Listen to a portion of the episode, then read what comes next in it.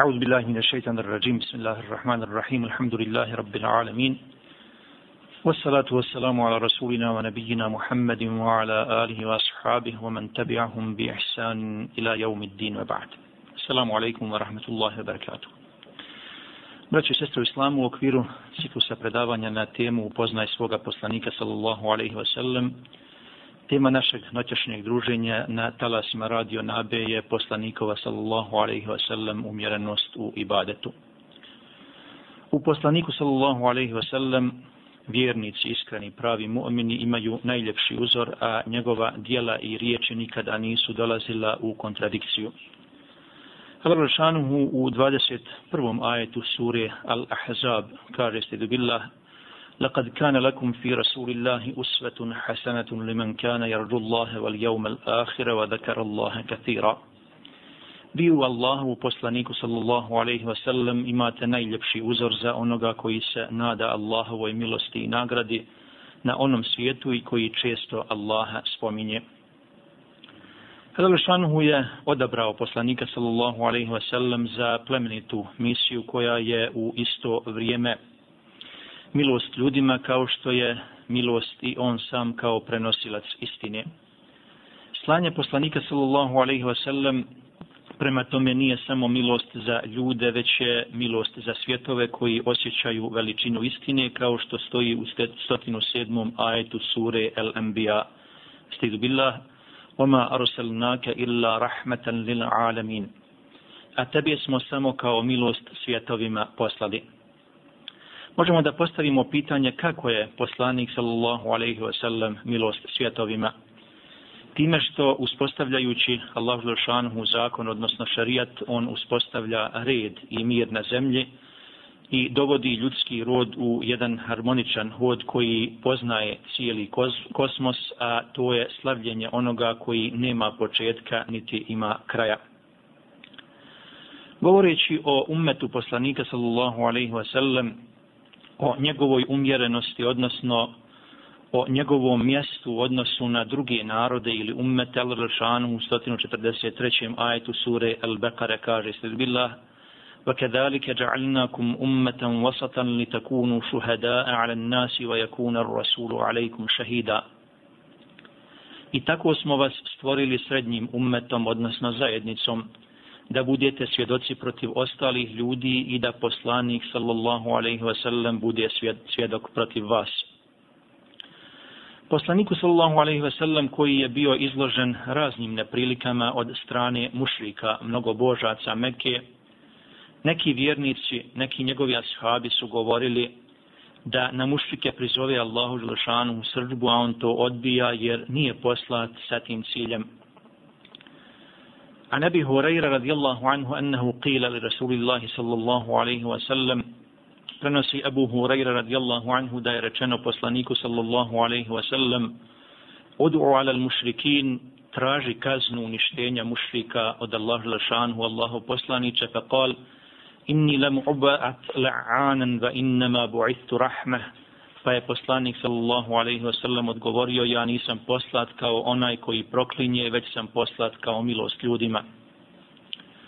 Ovo je pouka za one koji pozivaju istini da nakon najmanje prepreke na koju naiđu ne izgube nadu i ne počnu proklinjati, zadovoljavajući se time što su oni na pravom putu, a ostavljajući druge ljude. Islam od svojih pripadnika, pogotovo onih koji se posebno bave pozivanjem u islam, bave davom, traži ustrajnost i čvrstinu. Etimološki ibadet znači pokornost i poniznost, a Ibn Taymiye u poglavlju o ibadetu kaže din ili vjera sadrži značenje pokornosti i poniznosti, a obožava Allah Lešanu i njemu se pokorava, to jest pokorava mu se i predaje mu se, pa vjera Allahova je čisti ibadet, pokoravati se i biti poslušan samo njemu. Islam uspostavlja ravnotežu i umjerenost u svim oblastima i na svim horizontima. Ta opća misija Islama podrazumijeva da je ona misija koja obuhvata svaki prostor i obuhvata svako vrijeme, te da je primjenjiva za sve rase, klase i pojedince Islam podrazumijeva normalan ljudski život u kojem se dunjaluk i ahiret međusobno ne isključuju, ne isključuju već isprepleću. Islam nas uči kako treba živjeti i postizati dobra oba dva svijeta. Islam je vjera sredine i on, Islam, smješta ljudski život u jednu normalnu putanju. Islam ne zapostavlja dunjaluk na računa ahireta niti obrnuto. U islamu se znaju prioriteti i ne smije se šteta činiti na račun nečeg drugog. Zbog toga je obaveza svakog muslimana da ukazuje na istinu i da u svemu nađe mjeru. Islam nije vjera koja je smještena samo u džamije i oni koji tako smatraju imaju pogrešno razumijevanje Islama, jer je Islam toliko snažan i toliko velik da se ne može smjestiti na uzak prostor i on obuhvata kompletan ljudski život na oba dva svijeta. On mora da obuhvati širu i užu zajednicu i on nije opterećenje za, oni koji, za one koji ga ispravno razumijevaju. Islam nadilazi sve to i pruža mogućnost čovjeku da bude čovjek i da osigura svoje pravo, ali u isto vrijeme da štiti prava drugih. Zbog toga budimo dosljedni nosioci Islama i ukazujemo drugima na istinu, jer je to naša obaveza. Ukazujemo na to riječju, riječima i dijelom i budimo ponosni što nas je milostivi gospodar počastio Islamom u vrijeme kada čovječanstvo pati od mnogobrojnih zala. Buharija bilježi hadis u kojem poslanik sallallahu alaihi wa sallam podučava Abdullah ibn Amra ibn Asa radijallahu anhuma kako da uredi svoj život i svoje obaveze. An Abdullah ibn Amr قال دخل علي رسول الله صلى الله عليه وسلم فقال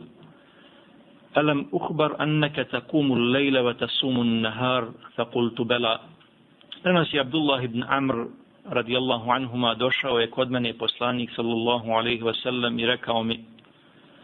Obavješten sam da provodiš noći u ibadetu, a da dane postiš. Rekao da. Kale fela tef'al kum vanim vasum va aftir fa inna li jasadika alejka haqqan fa inna li ajnika alejka haqqan fa inna li zawjika alejka haqqan fa inna li zawjika alejka haqqan reče nemoj to stalno činiti nego i badeti noću i spavaj i posti, ali i mrsi druge dane,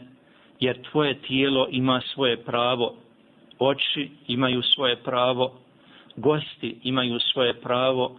i žena ima svoje, svoje pravo. Da inneke asa an yatula bika umrun فإن من حسبك أن تصوم من كل شهر ثلاثة أيام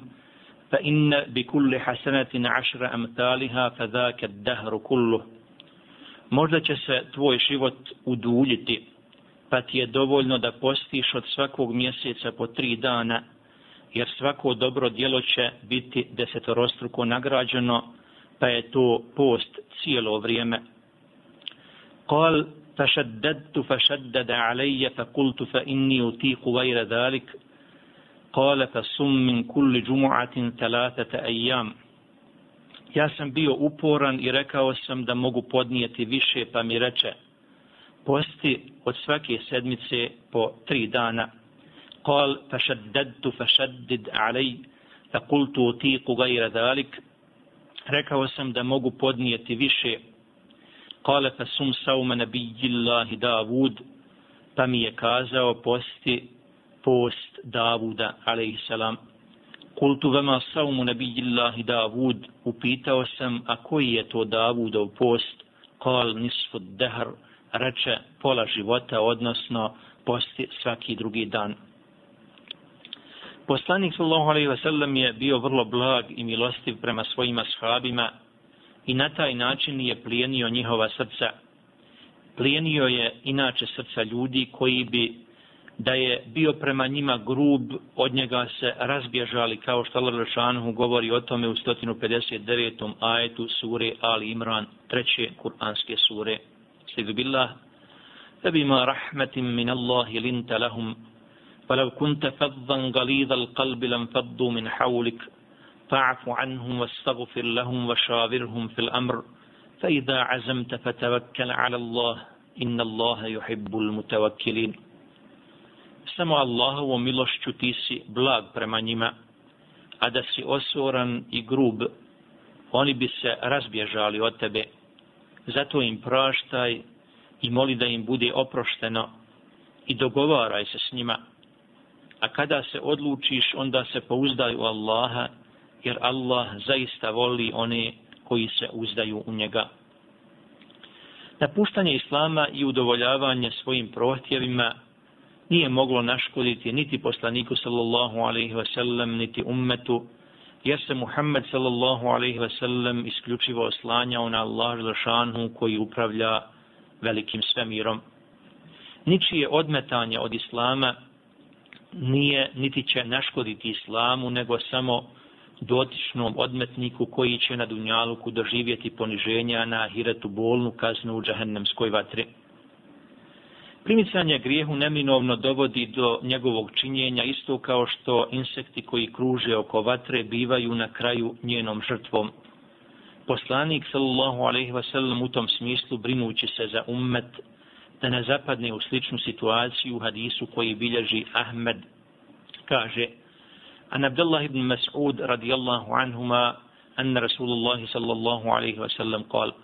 prenosi Abdullah ibn Mas'ud radijallahu anhuma da je poslanik sallallahu alaihi wasallam kazao Inna Allaha lam yuharrim hurmatan illa wa qad alima annahu sayuttaliuha minkum muttali'un Ela wa inni ahidum bihuđazikum an tahafatu fin nar katahafutil feraši avid dubab Nema niti jedne stvari koju je Allah zabranio, a da nije znao da će to neko od ljudi promatrati a ja se bojim za vas da ne upadnete u vatru kao što to biva sa leptirom ili biva sa insektom koji kruži oko vatre. Umjerenost i blago su dvije osobine koje treba da krase svakog iskrenog vjernika. Ovim pozitivnim osobinama upotpunjujemo svoj iman, svoje vjerovanje ili suprotno tome radimo na rušenju svoje vjere Islam od nas traži da budemo umjereni i da se čuvamo pretjerivanja, jer je posljedica pretjerivanja gubljenja upute, odnosno skretanje sa puta Islama. Lalošanhu traži od nas da budemo umjereni i da olakšavamo kako sebi, tako i drugim ljudima, pa u 185. ajetu sure El Bekare Allah Šanhu govoreći o postu i o ruhsama, odnosno olakšicama koje su vezane za njega, kaže se izbila, yuridu Allahu bikum ul yusra wala yuridu bikum ul usr. Allah želi da vam olakša, a ne da poteškoća imate. Imam Ahmed prenosi od Amira ibn Urve da su ljudi došli da pitaju poslanika sallallahu alaihi wa sallam govoreći o Allahu poslaniće imamo poteškoće u tome i tome, a on je kazao inna din Allah yusr. Allahova vjera je u istinu lahka i to je ponovio tri puta. Poslanik sallallahu alejhi ve sellem više puta govori svojim ashabima, a ja ću ovom prilikom navesti predaju koju bilježi Buharije u Sahihu, a prenosi je Anas ibn Malik. Anas ibn Malik, anna nabija sallallahu alejhi wa sallam kal, prenosi Anas ibn Malik da je poslanik sallallahu alaihi wa sallam kazao jesiru wala tuassiru wa bashiru wala tunaffiru olakšavajte a ne otežavajte. Izazivajte smirenost a ne odbojnost dakle vjera islam je lahka ali je problem što je mi vrlo često svojim pogrešnim tumačenjem i svojim pogrešnim potezima činimo teškom i grubom. Mnogi vjernici opterećuju sebe iznad svojih mogućnosti, pa dolazi nakon toga do posrtaja. Koliko ljudi je snažno, žestoko prihvatilo vjeru, ali nakon toga nisu do kraja bili dosljedni u tome. Nažalost, većina nas pravi veliku grešku kada govorimo o islamu i islamskim propisima, jer najčešće govorimo o zabranama, odnosno govorimo o haramima, tako da onaj ko nas sluša, pogotovo onaj koji se tek susreće sa islamom i sa islamskim normama ponašanja, on stiče utisak da se islam uglavnom sastoji od zabrana. Međutim, ovakvo tumačenje islama u potpunoj je suprotnosti s navedenim principima islama. Poslanikova, sallallahu alaihi wa sallam, prvenstvena zadaća bila je da plijeni ljudska srca svojim govorom i svojom praksom i da ne prepada, odnosno da, da ne rastjeruje ljude. Najbolji uzor u blagosti je poslanik sallallahu alaihi wasallam koji je bio blag i drugima preporučivao blagost. Navešću dva primjera koji to lijepo ilustruju. Kada su židovi došli kod poslanika sallallahu alaihi wasallam jedne prilike kazali su mu Assalamu alaik, neka te zadesi smrt ili otrov na tebe. Poslanik sallallahu alaihi wasallam odgovara ve alaikum i na vas. Kada je to čula Hazreti Aisha radijallahu anha, kazala je, neka vas zadesi smrt i Allahovo prokledstvo, pa poslanik sallallahu alaihi wasallam kaže, polahko Aisha, treba da blago postupiš, moja dova će biti uslišana, a njihova dova zaista neće. Drugi primjer njegove blagosti je da kada je jedan beduin došao i obavio malu nuždu u poslanikovoj sallallahu alaihi wasallam skromnoj džamiji, prisutni ashabi su žestoko reagirali, a Omer ibn Khattab radijallahu anhu je isukao svoju sablju želeći da mu osjeće glavu. Poslanik sallallahu alaihi wasallam je naredio da se lijepo postupi sa ovim čovjekom iz pustinje, jer on ne zna pravila ponašanja i kazao je da se na to mjesto prospe voda. Ovdje bi mogli da postavimo pitanje kako bismo mi postupili u ovakvim i sličnim situacijama. Dakle, trebamo biti blagi prema svojim roditeljima, prema svojoj djeci, suprugama, komšijama, rodbini, vjernicima, pa i prema svim Allahovim delešanhu stvorenjima, prema ljudima i životinskom pa i biljnom svijetu. Blagošću praktično pokazujemo i potvrđujemo odanost islamskim principima, a na taj način drugima dajemo lijepu sliku o vjernicima i o islamu. Islamski je princip olakšavati svim ljudima i nema ničega lošeg u tome da musliman u nekom ili nekim pitanjima slijedi ono što je sigurnije i što je teže. Međutim, ako bude stalno ostavljao olakšice i slijedio ono što je teže, onda će Islam postati vjerom poteškoća. Allah subhanahu wa ta'ala želi ljudima od svoje vjere da im bude lahka i da bude prihvatljiva. Onaj ko posmatra pažljivo kuranske ajete i hadise i praksu ashaba, zapazit će da svi zajedno pozivaju olakšanju i uklanjanju poteškoća, zatim udaljavanju od ekstremizma i otežavanja. Navešću dva ajeta koji na to jasno upućuju. Prvi je šesti ajet iz sure El Maide, jel Aršanu kaže se billah, ma yuridu Allahu li yaj'ala alaykum min haraj. Allah ne želi da vam pričini poteškoće. A u 28. ajetu sure An-Nisa, četvrte kuranske sure, uzvišeni gospodar kaže, Stegbillah yuridu Allahu an yukhaffifa ankum wa khuliqa al-insanu da'ifa. Allah želi da vam olakša, a čovjek je stvoren kao slabo, kao nejako biće. Također postoje mnogobrojni hadisi koji postiču na olakšanje i udaljavanje od žestine i pretjeranosti, a ja ću navesti neke od njih.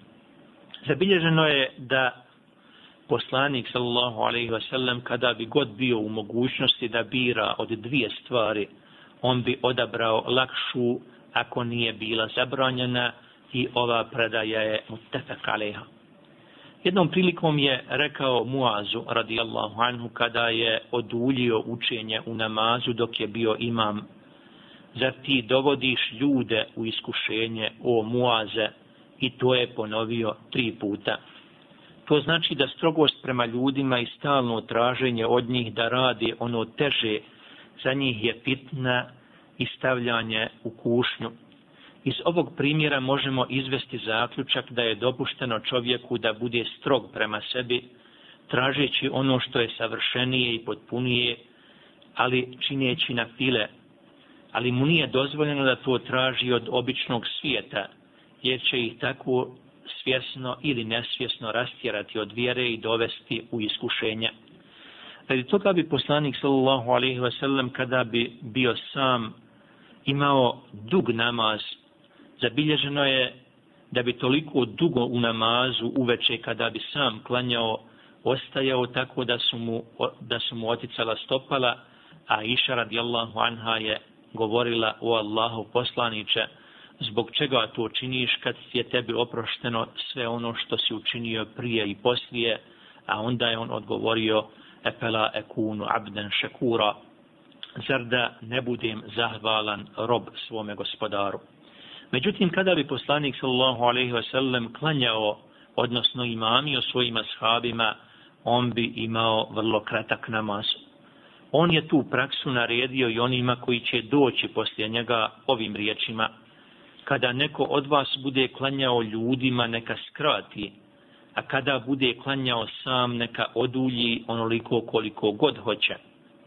Prenos je Buhu Zaifa radijallahu anhu da je poslanik sallallahu alaihi wasallam kazao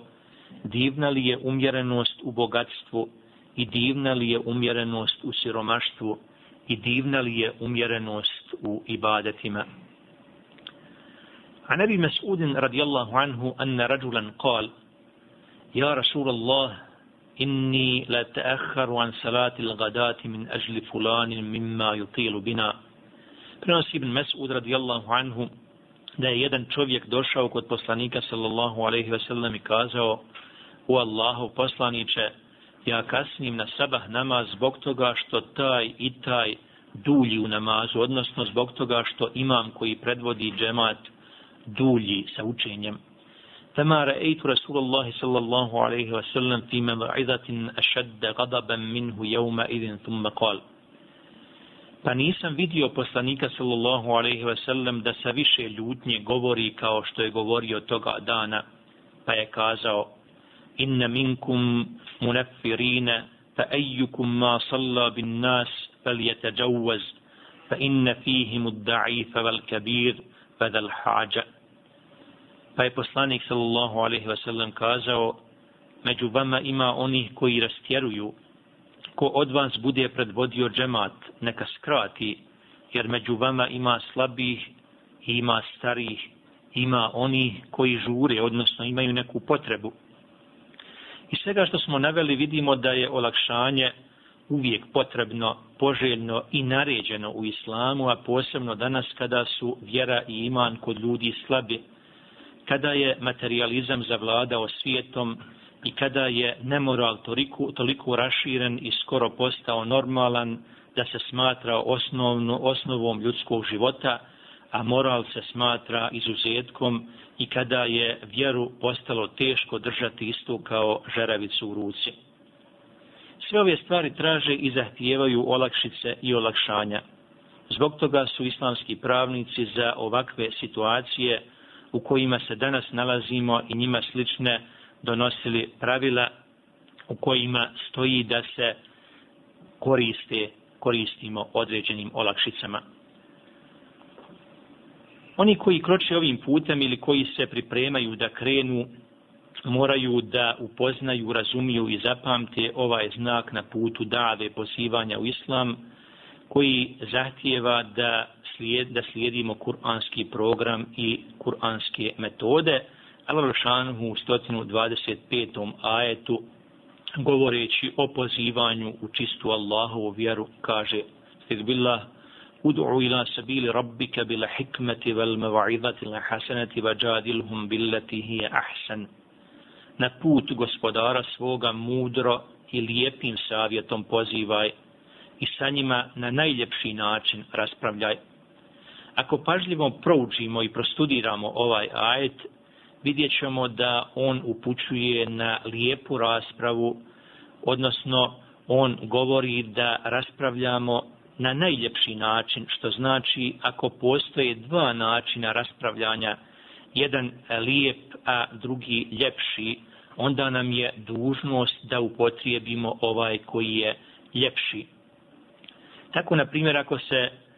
sa nekim raspravljamo, prvo moramo da iznađemo neke zajedničke tačke koje se nalaze između nas, a onda da to bude polazna osnova sa koje ćemo krenuti dalje, da ne primjenjujemo metod koji uglavnom mi vrlo često primjenjujemo, a to je da se uhvatimo za ono što nas razdvaja, odnosno što nas udava, udaljava i da naravno na, na, na tome baziramo našu diskusiju, odnosno našu raspravu. Pršanuhu u 46. ajetu sure Al-Ankebut kaže Sejdu billah Vela tuđadilu ahlal kitabi illa billati hije ahsan illa alladhina zalamu minhum wa qulu amanna billadi unzila ilajna wa unzila ilaykum wa ilahuna wa ilahukum wahidun wa nahnu lahu muslimun. I sa sledbenicima knjige raspravljaj na najljepši način, ne sa onima koji su nepravedni i reci, mi vjerujemo u ono što se objavljuje vama, a naš Bog je i vaš Bog. On je jedan i mi se njemu pokoravamo. Ako se ovako utraži od muslimana da pozivaju i raspravljaju sa nemuslimanima, kako tek treba da muslimani raspravljaju sa drugim muslimanima s kojima ih veže islamsko bratstvo. Neki ne pravi razliku u dostavljanju istine mudrošću i grubošću, iako među njima nema nikakve povezanosti. Imam Gazali u poglavlju o naređivanju dobra i sprečavanju zla u svom poznatom dijelu Ihjaulumi Din veli, naređivati dobro može samo ko je blag u onome što naređuje, blag u onome što zabranjuje, ako je obazriv u onome što naređuje, obazriv u onome što zabranjuje, ako je fakih u onome što naređuje i fakih u onome što zabranjuje. Dalje se navodi da je neki čovjek ušao kod halife Muna grubo, neuljudno i neobazrivo, od njega tražeći da radi dobro i da se kloni zla, ne znajući da svako mjesto i situacija mora imati obraćanje i govor koji mu odgovara. Halifa Me'mun je na to kazao, o ti, budi blag u svome nastupu, jer je u istinu Allah subhanahu wa ta'ala poslao onoga koji je bolji od tebe,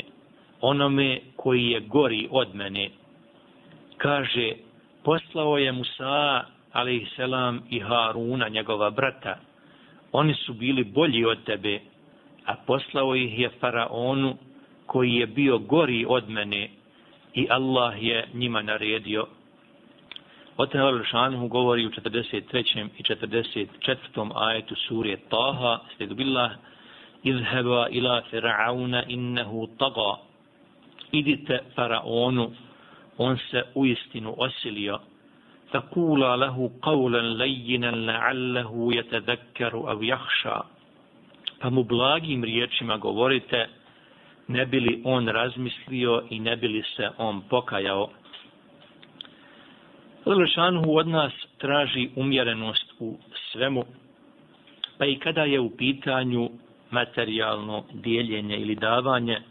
o čemu Lešanhu govori u 67. ajetu sure Al-Furqan. Sejubillah, والذين إذا أنفقوا لم يسرفوا ولم يقتروا وكان بين ذلك قواما i oni koji kad udjeljuju ne rasipaju i ne škrtare, već se u tome drže sredine. Buharija prenosi da je poslanik sallallahu alaihi wa sallam kazao kada počnem sa namazom, ja poželim da oduljim namaz, ali čim čujem plač djeteta, ja skratim namaz, kako bi olakšao dječjoj majci. Muslim prenosi u svome sahihu da bi poslanik sallallahu alaihi wasallam kada bi učio Kur'an predvodeći ljude u namazu radio, radije učio kraće nego duže ajete iz Kur'ana a Iša radijallahu anha kaže poslanik sallallahu alaihi ve sellem bi pokretom ruke upozoravao ljude od pretjerivanja, na primjer spajanja dana tokom posta bez iftara i ljudi bi mu tad kazali, ali i ti to činiš, a on bi odgovorio, ja nisam kao vi, mene je moj gospodar hrani, odnosno on mi daje hranu i piće. Olakšice u pogledu izvršavanja šarijatskih propisa su vrlo važan segment islama i te olakšice su posebno naglašene u tri slučaja. Prvi je u namazu, na način da se četverorekatni namazi se skraćuju na dvorekatne, to se odnosi na podne i kindiju i jaciju namaz, a poslanik sallallahu alaihi wasallam kaže to je sadaka od Allah Žešanuhu sadaka, pa prihvatite njegovu sadaku. Olakšica u pogledu skraćivanja rekata ide i dalje, pa se omogućava pored skraćivanja i spajanje namaza, namaza podne i kindne, spajanje namaza kao što su podne i kindija i spajanje akšema i jacije i to u vrijeme jednog ili drugog namaskog vremena. Bolesniku i staroj osobi je dozvoljeno da e, klanjaju sjedeći, da klanjaju ležeći na boku ili da klanjaju na leđima u skladu sa svojim mogućnostima. Ako bolesnik ili putnik ne mogu, ne mogu da koriste vodu ili e, ako bi korištenje vode prouzrokovalo e, pogoršanje bolesti, umjesto abdesta se uzima tejemom. Amr ibn As radijallahu anhu je u bitci Zatus Selasil usnu doživio poluciju, pa je zbog straha od prehlade umjesto gusula kupanja, on je uzeo tejemum i klanjao je sa svojim drugovima sabah namaz. To se nije dopalo njegovom društvu, pa su spomenuli taj slučaj poslaniku sallallahu alaihi ve sellem koji je kazao Amre, klanjao si sa tvojim drugovima nečist, klanjao, klanjao si dunub, a Amr ibn As radijallahu anhu je odgovorio sjetio sam se riječi uzvišenog gospodara vela taqtulu nefse vela taqtulu anfusakum inna Allahe kane bikum rahima ne ubijajte sami sebe zaista je Allah prema vama milostiv ovo je 29. ajet sure An-Nisa pa se poslanik sallallahu alaihi wasallam samo nasmijao i nije ništa kazao. Kala ibn Umar radijallahu anhuma safertu ma nabi sallallahu alaihi wa sallam وابي بكر وعمر وعثمان فكانوا يصلون الظهر والعصر ركعتين ركعتين لا يصلون قبلها ولا بعدها Išao sam na put sa poslanikom sallallahu alaihi wa sallam sa Ebu Bekrom, Omerom i Osmanom, pa su klanjali podne i ikindiju po dva rekata i nisu klanjali ništa ni prije ni poslije. Kada su u pitanju pomenute olakšice, one se vežu za sve mezhebe, a posebno kada je u pitanju naš hanefijski mezheb, po našem hanefijskom mezhebu dužnost je musafira putnika da skrati namaz, a naravno da postoji mogućnost i spajanja namaza. Druga olakšica je olakšica u borbi također se odnosi na skraćivanje namaza i klanjanje na jahalici ako se e, vojnici e, plaše od napada neprijatelja. Poslanik sallallahu alejhi ve sellem je poslao izvidnicu konjanika da izvide i ispitaju vijesti o neprijatelju, a on je ostao klanjajući sabah namaz i povremeno se okretao u pravcu iz kojeg treba da stignu konjanici, iako je on zabranio okretanje, okretanje u namazu, a u namazu je bila njegova sreća i ugođaj za njegovu dušu. Zatim, kada je u pitanju e, treća olakšica, to je olakšica u postu, gdje putnik i bolesnik imaju pravo da mrse u toku Ramazana, a poslanik sallallahu alaihi ve sellem kaže Allah voli da se koristite olakšicama kao što mrzi isto da činite grijehe, a ovaj hadis prenosi Ahmed. عن ابي هريره ان النبي صلى الله عليه وسلم قال فنس ابو هريره رضي الله عنه دا poslanik صلى الله عليه وسلم kazao ان الدين يسر ولن يشاد الدين احد الا غلبه فسددوا وقاربوا وابشروا واستعينوا بالغدوه والروحه še'in min ad-dulja. Vjera je olakšica i niko od vas neće pretjerivati, a da ga to neće savladati. Budite umjereni,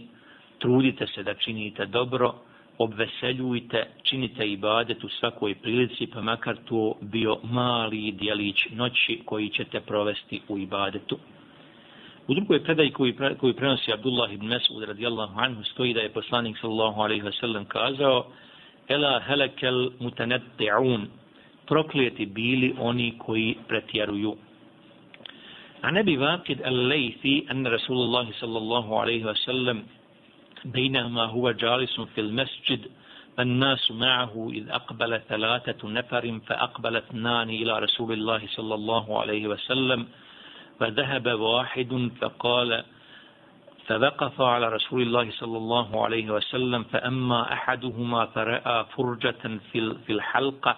فجلس فيها وأما الآخر فجلس خلفهم وأما الثالث فأدبر ذاهبا. Prenosi Abu Vakid al-Lejsi da su kod poslanika sallallahu alaihi wa sallam sjedili ashabi u džamiji pa su došla trojica ljudi. Dvojica su prišla dok je jedan otišao.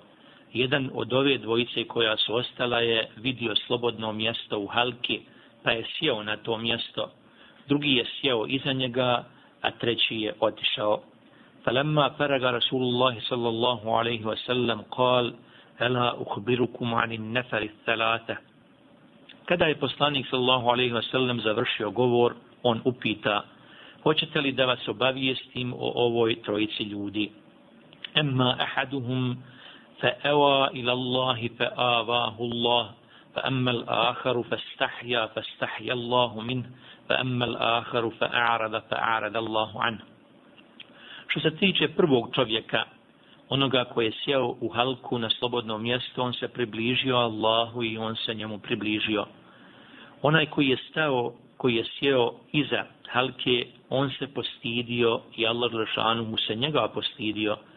A što se tiče, tiče trećega, on se okrenuo i Allah se od njega okrenuo. Jedne prilike je poslanik sallallahu alaihi wa sallam bio na putu sa ashabima, pa kada su zastali da pripreme hranu, poslanik sallallahu alaihi ve sellem ih rasporedi ko će šta raditi, a on je ustao da sakuplja drva. Ashabi su od njega tražili da odmori, a on je to odbio, govoreći, Allah mrzi čovjeka ko se izdiže iznad drugih, odnosno inna Allah yubghidu ar-rajula yata'ala ala rifaqih. On je prvi nazivao selam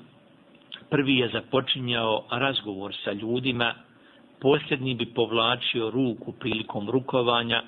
a kada bi došao na sjelo, sjeo bi tamo gdje je bilo slobodno mjesto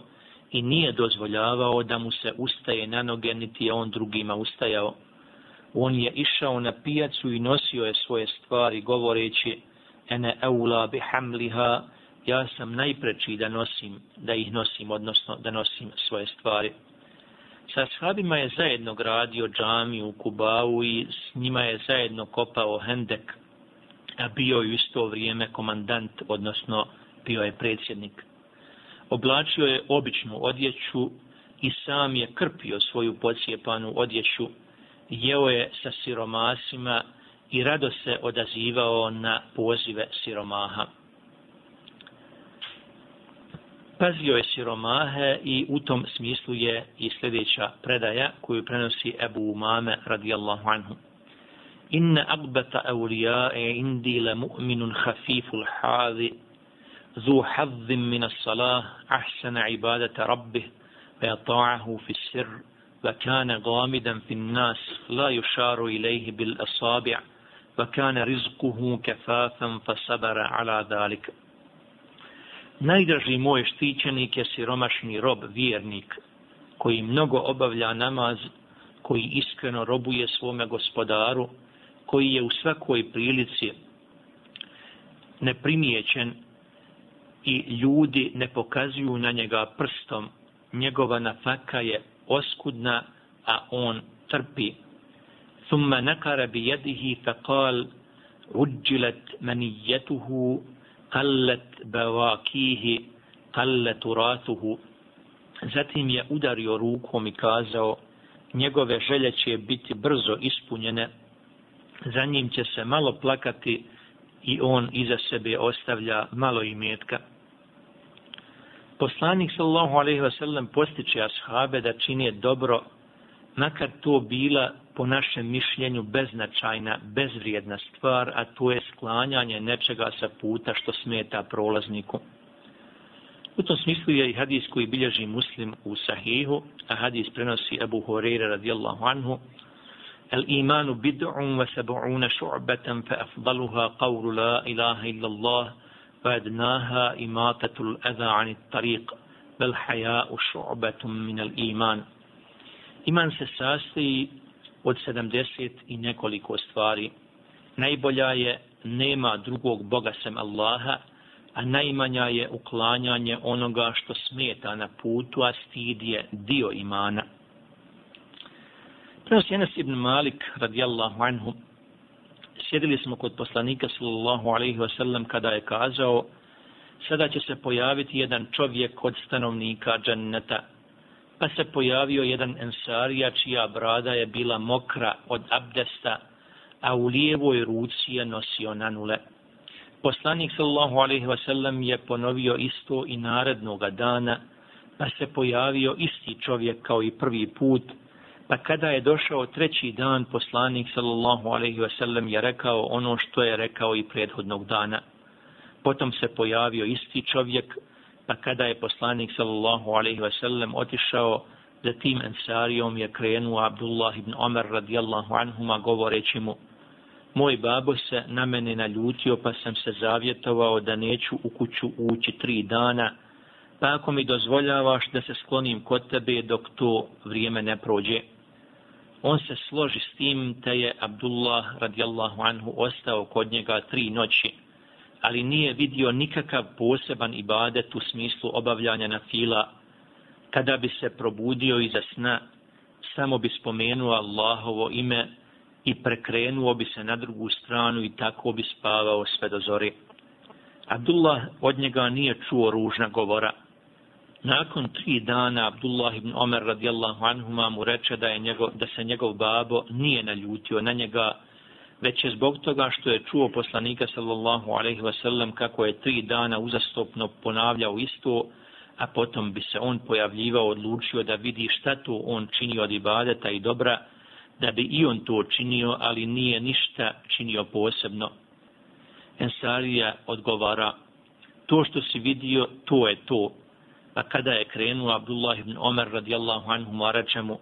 ali u meni nema podlosti niti prema jednom muslimanu, niti zavidim nekome od ljudi kome je Allah dao dobro više od mene, od mene. Pa je Abdullah kazao, to je u istinu pravi razlog. Poslanik sallallahu alejhi ve sellem savjetuje Abu Dharra radijallahu anhu: Ittaqillaha haythu ma kunt wa atbi sayyi'ata al-hasanata tamhuha ve halikin nasa bi khuluqin hasan. Boj se Allaha ma gdje bio, poslije učinjenog lošak dijela učini dobro, jer će ga ono izbrisati i lijepo se ponašaj prema ljudima. Upitan je poslanik sallallahu alaihi wasallam šta će ljude najviše uvesti u džennet i vatru, pa je odgovorio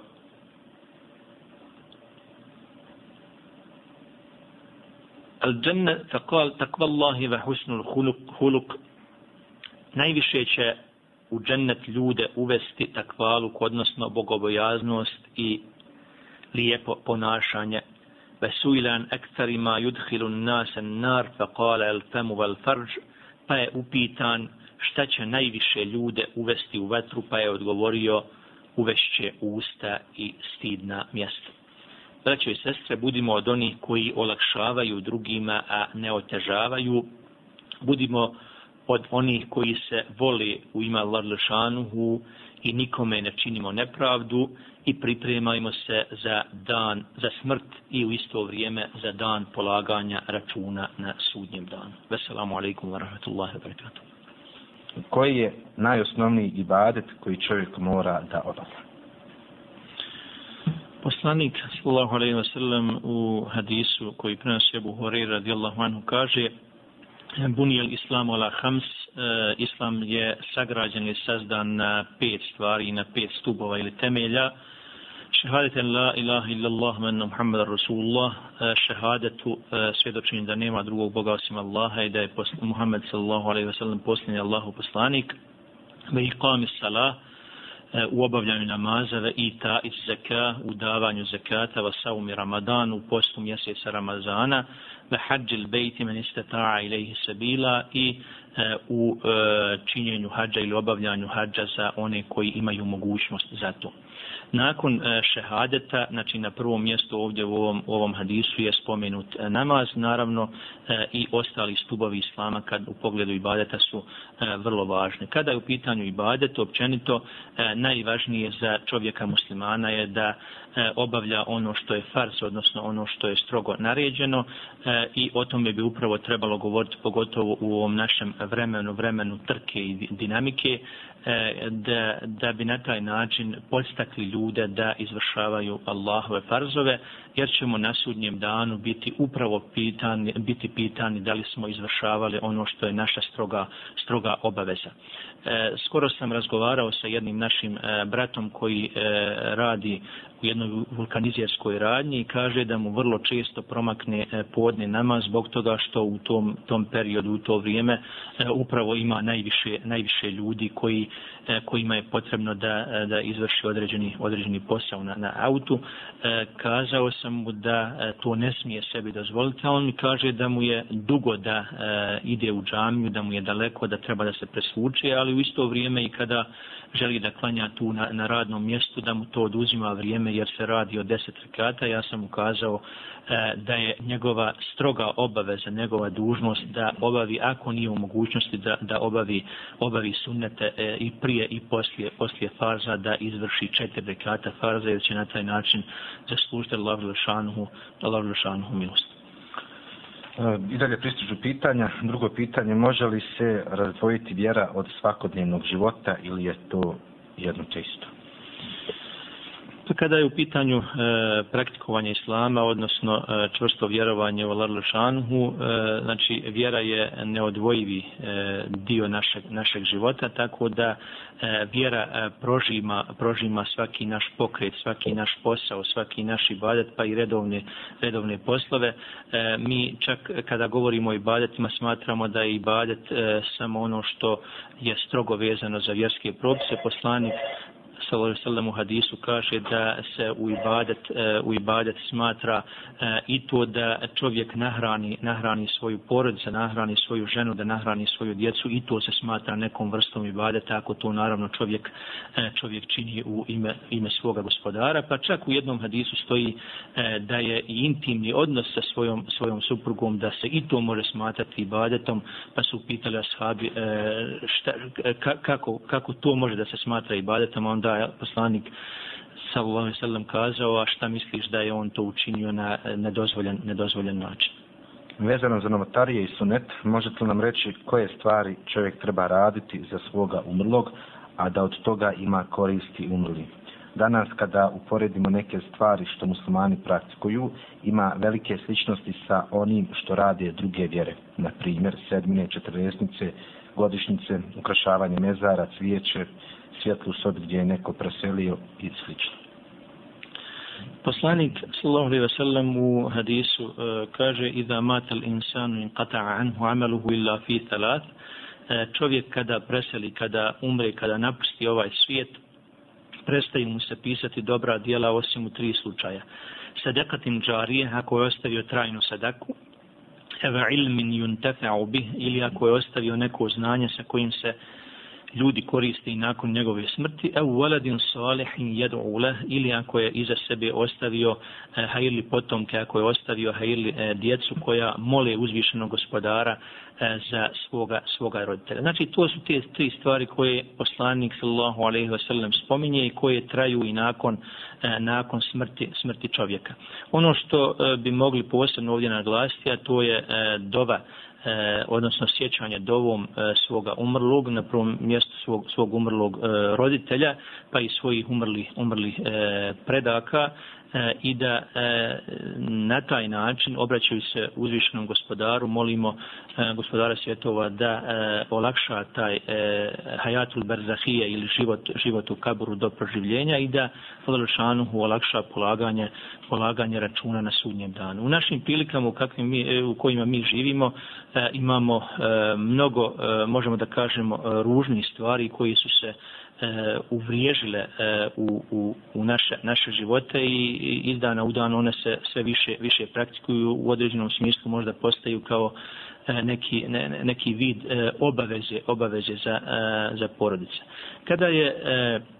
Džafer eh, radijallahu anhu Amidžić poslanika sallallahu alaihi wa sallam u jednoj od bitaka preselio, onda je Muhammed Islam kazao eh, pripremajte Džaferovoj porodici eh, hranu ili hranite njegovu porodicu eh, narednih sedam dana eh, jer je njegova, njegova porodica pogođena njegovom smrću. Eh, u Bosni i Hercegovini prije 30-40, a pogotovo više godina, se zna pogotovo u E,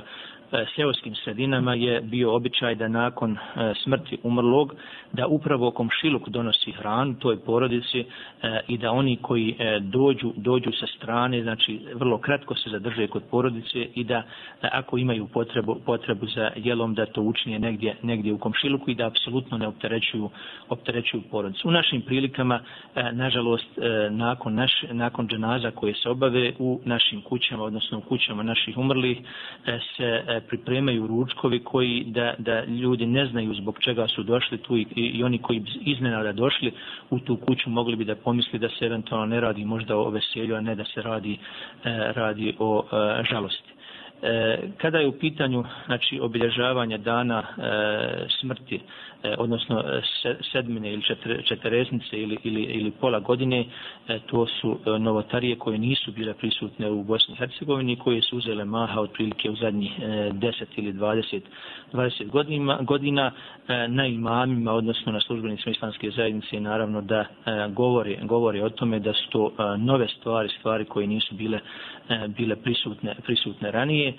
i naravno da pokušamo da utičemo na vjernike, na muslimane, da da e, svoje živote usklađujemo e, e, po e, principima islama. Želio bih pitati koliko je najbolje rekiata klenati za noćni namaz, šta na njima učiti i treba li ostaviti vitr namaz da se klanja iza noćnog namaza? Što se tiče e, salatul lejli, odnosno noćnog namaza, to je e, sunnet poslanika sallallahu alaihi wa sallam koji on e, redovno, redovno činio. E, može da se klanja dva rekata i, i, i, i više 2 do 12 ili 20 rekata, znači koliko, koliko ko može. E, nema e, nikakvog e, propisa, znači e, šta se uči na, na, na tim rekatima, ali e, preporučljivo je da se što više, što duže zadrži na rukuju i na seždi i naravno da se i nakon namaza da se, e, da se uči, uči dova. Muhammed Islam je praktikovao da e, no, da vitr ostavi znači e, pred kraj noći E, i da ga faktički klanja poslije, poslije e, noćnog namaza. Za one koji se plaše da, neće, ne, da se neće probuditi, odnosno da će možda prespati, e, prespati vitr namazom, da je bolje da ga klanjaju prije spavanja kako ne bi doveli, doveli u pitanje znači ovaj namaz. S obzirom na napade na islam i muslimane, može li nam vaš uvažen gost reći kako običan musliman da se postavi u takvoj situaciji? E, svi mi ćemo na kraju kreva u e, shodno naše, našoj poziciji u društvu, našem, našem emanet koji smo preuzeli, e, imati određenu, određenu odgovornost e, u smislu e, odbrane od tih ili stajanja, stajanja e, odbrane od tih napada koji su sve više, više prisutni, odnosno e, u odbrani od te neke opće islamofobije. Kada je u pitanju obični, obični čovjek, e, on će naravno, ako nije u poziciji da E, reagira u smislu da nešto demantira e, ili ako nije u poziciji da opovrgne e, bilo javno ili u nekom, nekom širem krugu, onda e, je dužan da u krugu ljudi sa kojima e, sarađuje, sa kojima djeluje, sa kojima, sa kojima radi, znači da ukaže na opasnost, opasnost napada na muslimane, odnosno na opasnost, opasnost napada, napada općenito, općenito na islam, Allah ne bi znam. 062-215-541 062-215-541 je naš kontakt telefon. Možete i dalje slati vaša pitanja putem SMS-a. Sljedeće pitanje glasi koliko mi u Bosni i Hercegovini slijedimo poslanika sallahu alaihi wa sallam. Pa, smatram da e, su bošnjaci imajući u vidu da teško vrijeme kroz koje smo a, prošli e, dobrim dijelom e, ipak sačuvali e, tu primjenu praksi poslanika sa odnosno e, slijedjenja, slijedjenja sunneta. E, problem je e, bio ti ta tri protekla e, društveno-politička sistema u kojima su muslimani vjernici bili pod nekom, nekim stalnim pritiskom, kroz, pod stalnim, stalnim presijama, tako da ovo neko vraćanje islamu od početka agresije na Bosnu i Hercegovinu pa na ovamo je sasvim jedan normalan, normalan slijed. Ja opet kažem da kada je u pitanju i slijedjenje sunnata poslanika sallallahu da sellem da e, da e, to slijedeње treba da, da, da ima mjeru i da u ostalom e, iz ovog predavanja koje smo imali u kojem se govori o, o tome da Muhammed Islam preporučuje umjerenost u ibadetima i da je on kada je u pitanju kada su u pitanju dvije dozvoljene stvari uvijek birao onu koja je koja je lakša da bi na taj način podučio podučio svoje svoje ashabe. E, ja se nadam da će, da će buduće generacije Bošnjaka se još snažnije pridržavati sunneta e, i da će na taj način jačati, jačati međusobne veze i da će jačati, jačati međusobno bratstvo i da ćemo e, prelaziti preko eventualnih nesuglasica i nesporazuma na jedan islamski način, onako kako je to Muhammed Islam radio zajedno s svima sahabima. Sljedeće pitanje, evidentno je da bošnjačke porodice su u krize. Da li je osnovni problem u neizvršavanju propisanih ibadeta. E, bošnjačka porodica je e, razbijena iznutra i naravno za e, uzroci za to se mogu tražiti u, u e, mnogo faktora, odnosno u mnogo, e, mnogo elemenata. Prvo imamo taj neki postratni sindrom koji je prisutan u Bosni i Hercegovini. E, zatim imamo vrlo negativnu ulogu, ulogu medija, e, negativnu ulogu, ulogu sredine. E, imamo negativnu ulogu, možemo da kažemo, i u ovom odgojno-obrazovnom procesu gdje u stvari djeca u našim, našim školama su sve više izložena, izložena tim raznim izazovima, gdje u stvari po mišljenju nekih pedagoga, E, djeca, bez obzira što e, žive zajedno u porodičnim domaćinstvima sa svojim roditeljima, u stvari žive posebne neke svoje svjetove iz razloga što e, zbog udovoljavanja ili pretjeranog udovoljavanja našoj, našoj djeci, u stvari djeca žive taj neki svoj poseban, poseban život, jer danas djeca imaju svoje posebne sobe, imaju kompjutere, televizore, vokmene, E, mobitele, e, imaju, imaju sve što im, što im je potrebno, tako da e, skoro kada sam razgovarao sa jednim, jednim prijateljem bošnjakom, onda mi kaže kako mi djeca odrastaju, u stvari sve više osjećam, sve, sve više doživljavam, odnosno mene djeca doživljavaju kao neku vrstu bankomata, odnosno e, od mene samo traže novac za ono što im je, što im je potrebno i ništa, ništa, ni da šta me drugo ne pitaju. Znači, postoji mnogo faktora koji e, razbijaju našu, našu porodicu iznutra, a jedan od osnovnih razloga je upravo udaljavanje od islama, odnosno izrašavanja e, Allahovih propisa. Žalosno je da je sve veći broj razvoda, da je, da je, da je veliki broj e, bambračne djece, da je veliki broj, e, broj e, pobačaja, da je e, jednostavno e, nemoral zavladao, zavladao u društvu, tako da to e, oboljelo društvo treba, treba liječiti, a najbolji lijek, lijek je upravo u vraćanju islama, odnosno u pojašnjavanju islamskih propisa, a to pojašnjavanje uz praktično djelovanje je naravno najdjelotvornije i najbolji, najbolji način način ovaj, e, utjecaja na pojedinca i na širu, širu zajednicu. Da se vaš gost slaže sa mnom, e, njegovo mišljenje jako cijenim, da lošem stanju u našem društvu doprinose mediji, skoro pa ništa nema edukativno. Na našim medijima možemo u većini slučaja vidjeti nasilje, nemoral i slično, čak i crtani filmovi su takvi da stalno se vidi nasilje i kako da se utiče na to. Mediji imaju vrlo e, negativnu, negativnu ulogu, absurdno je, a mislim da je to jedinstven slučaj, možda u, u, još u nekim zaostalim zemljama ili zemljama trećeg svijeta može se naći u dnevnoj štampi e, mogu se naći reklame e, koje, e, koje postiču na E, izravne kontakte e, sa, sa, sa osobama ili takozvani hotline e, gdje imaju imaju vrlo razvratne fotografije u čak, čak u dnevnoj dnevnoj i vrlo tiražnoj tiražnoj štampi što se ne može jednostavno desiti desiti u, nekim razvijenim zemljama gdje jednostavno i u elektronskim medijima čak u, u, u vrijeme kada su roditelji na poslu E, u to e, vrijeme e, prije podne ili neposredno poslije, poslije podne na televizijskim kanalima se prikazuju vrlo razvratne serije, prikazuju se filmovi gdje imaju, imaju vrlo obavne scene koje naravno negativno utječu na djecu, a u to vrijeme djeca jednostavno nisu pod kontrolom, kontrolom svojih roditelja. Tako da E, mediji e, i tekako negativno utječu na, e, na formiranje ti mladi, mladi ličnosti, odnosno na formiranje, formiranje naše djece i o tome bi naravno trebalo povesti računa i potruditi se da u nekom, nekim zakonskim okvirima da se obezbijedi da makar u toj dnevnoj, dnevnoj štampi ili u elektronskim medijima, bar u nekom, nekim terminima, udarnim terminima, da bar nema onoga što poziva na razvrat ili što poziva na nasilje, upravo kada su u pitanju čak i crtani, najobičniji crtani filmovi, i oni u stvari sve više imaju elemenata, elemenata nasilja ili elemenata razvota, tako da to i takako negativno, negativno utječe na našu omladinu. Ja, obzirom da vrlo često koristim gradski prijevoz, e, vrlo rijetko e, mogu da, da, da, da uđem u, ili u trolejbus ili u tramvaj ili, ili u, Eh, u neko drugo prijevozno sredstvo javnog, javnog prijevoza, da, da tu negdje u blizini ne bude neki mladić ili djevojka koji E, na Vokna slušaju takvu, takvu e, tešku e, muziku ili, ili ta, sa takvim, takvim ubitačnim ritmom, da meni koji sam na udaljenosti nekoliko metara od te osobe smeta, kar šta se to u stvari u glavi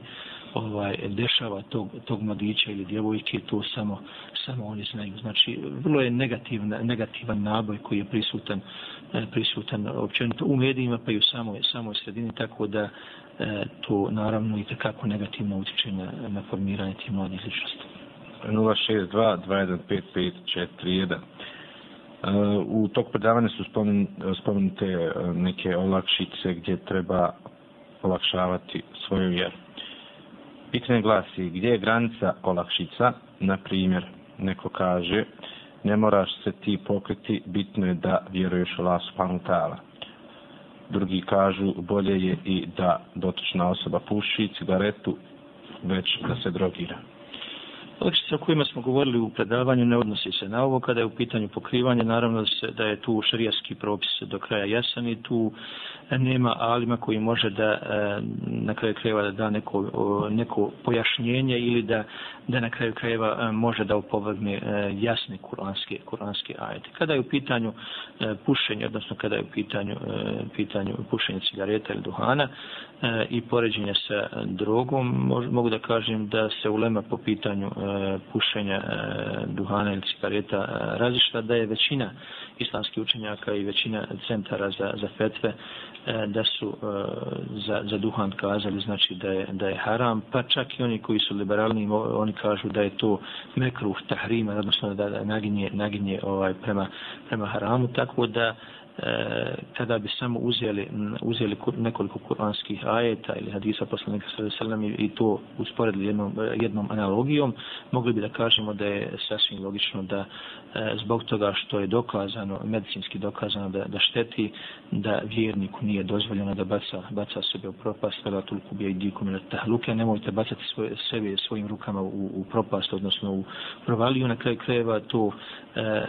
i materijalno, materijalno šteti, e, šteti čovjeku, tako da e, su to sve elementi koji ukazuju da je sam duhan, znači e, haram, odnosno ili kako neka ulema kaže, mekruh tahrime. Kada je u pitanju droga, o tome nema apsolutno nikakve, nikakve dilema, droga je strogo zabranjena, odnosno haram,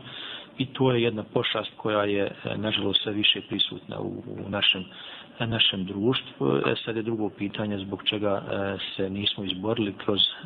institucije, odnosno kako možemo da kažemo, kroz određene komune koji su prisutne na ovom e, e, dijelu, drugom dijelu, e, federalnom dijelu e, ili hrvatskom, hrvatskom dijelu gdje e, već imaju razvijeni centri, a kod nas se tek e, nešto radi na tome kod Ilijaša, odnosno Smoluć kod Lukavca, zbog čega se nije znači, prišlo rješavanje tog problema sistematski, odnosno planski, to je sad neko drugo pitanje o kojem se mogu možda nekom drugom prilikom govoriti. Dobro, nastavljam dalje. Selama mom dragom bratu Derisu čujem podjele na evropski, bosanski, američki islam. Zar nije islam jedan?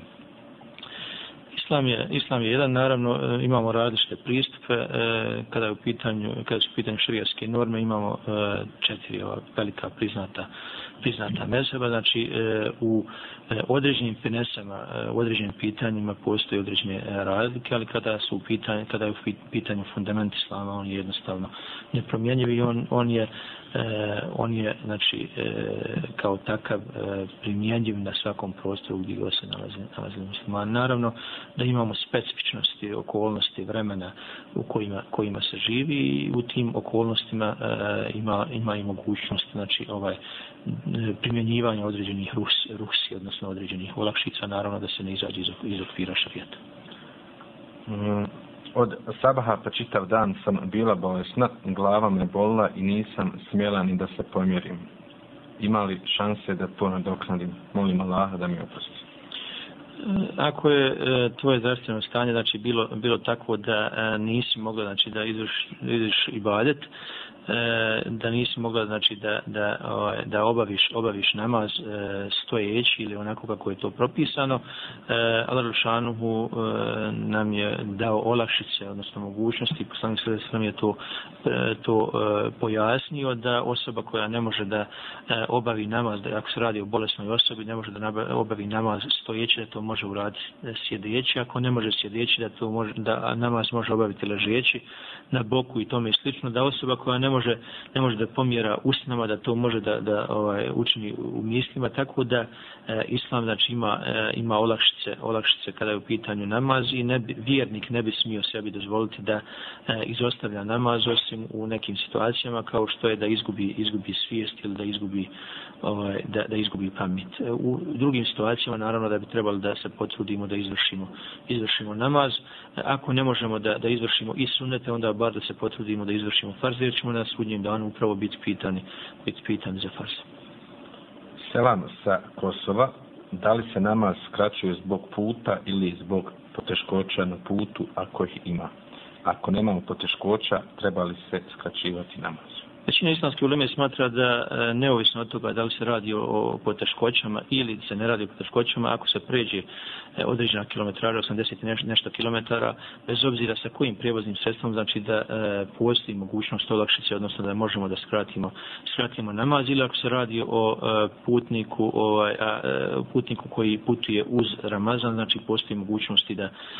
i da se mrsi taj dan, da bi se taj dan nakon toga, nakon toga napostio, mada ima, znači, alim onima koji smatraju da ako se e, radi o e, put koji ne iziskuje neki veliki fizički napor, znači da, da ovaj nema nema razloga da se mrsi, odnosno da nema razloga da se skraći. Po našem hanefijskom mezhebu ovaj, e, skraćivanje namaza bi trebalo stvar da bude da bude e, naša obaveza i tu u pogledu znači ovaj e, u odnosu na, na ostala tri mezheba tu je e, hanefijski mezheb možda možemo da kažemo naj najstrožiji e, i zbog čega ne bi kao što Muhammed Islam kaže ovaj to je Allahov dar pa ne odbijajte ono što vam Allah daje kao dar Šta je preporučivo učiti kada, na primjer, studenti spremaju ispit da bi im Allah olakšao i povećao pamćenje? Naravno, vjernik bi trebao da bude u svakoj situaciji, da se trudi u stvari, da bude što više pod abdestom, jer je abdest oružje vjernika. E, e studenti bi trebali naravno da e, redovno uče, da pripremaju, pripremaju svoje ispite, da budu vrlo odgovorni u onome što im je, što im je povjereno od strane njihovih roditelja i naravno na kraju kreva od strane, strane šire E, društvene zajednice. E, studenti treba da izvršavaju, e, izvršavaju obaveze prema Larušanu da, da klanje, redovno klanjaju namaz, i da izvršavaju ostale ibadete, da se, da se klonu svega onoga što je Larušanu zabranio i da naravno posle namaza uči najobičnije dove, te dove mogu da budu i na našem bosanskom, bosanskom jeziku, znači da mole Larušanu e, da im pomogne, odnosno da im olakša da ispit koji im predstoji da se lahkoćom, da ga se lahkoćom položi. Poštovani slušatelji, polako ćemo odjavljivati večerašnje izdanje, treće izdanje emisije u ciklusu Upoznaj svoga poslanika sallahu alaihi veselem. Iskro se nadam da smo e, svi zajedno se večeras okoristili o ovo izdanje i da ćemo nakon ove emisije malo razmisliti i svesti račun sami sa sobom i da ćemo još od tada početi drugačije raditi, naravno vratiti sebe prema boljem za nas, a normalno i za našu okolinu i za naše društvo.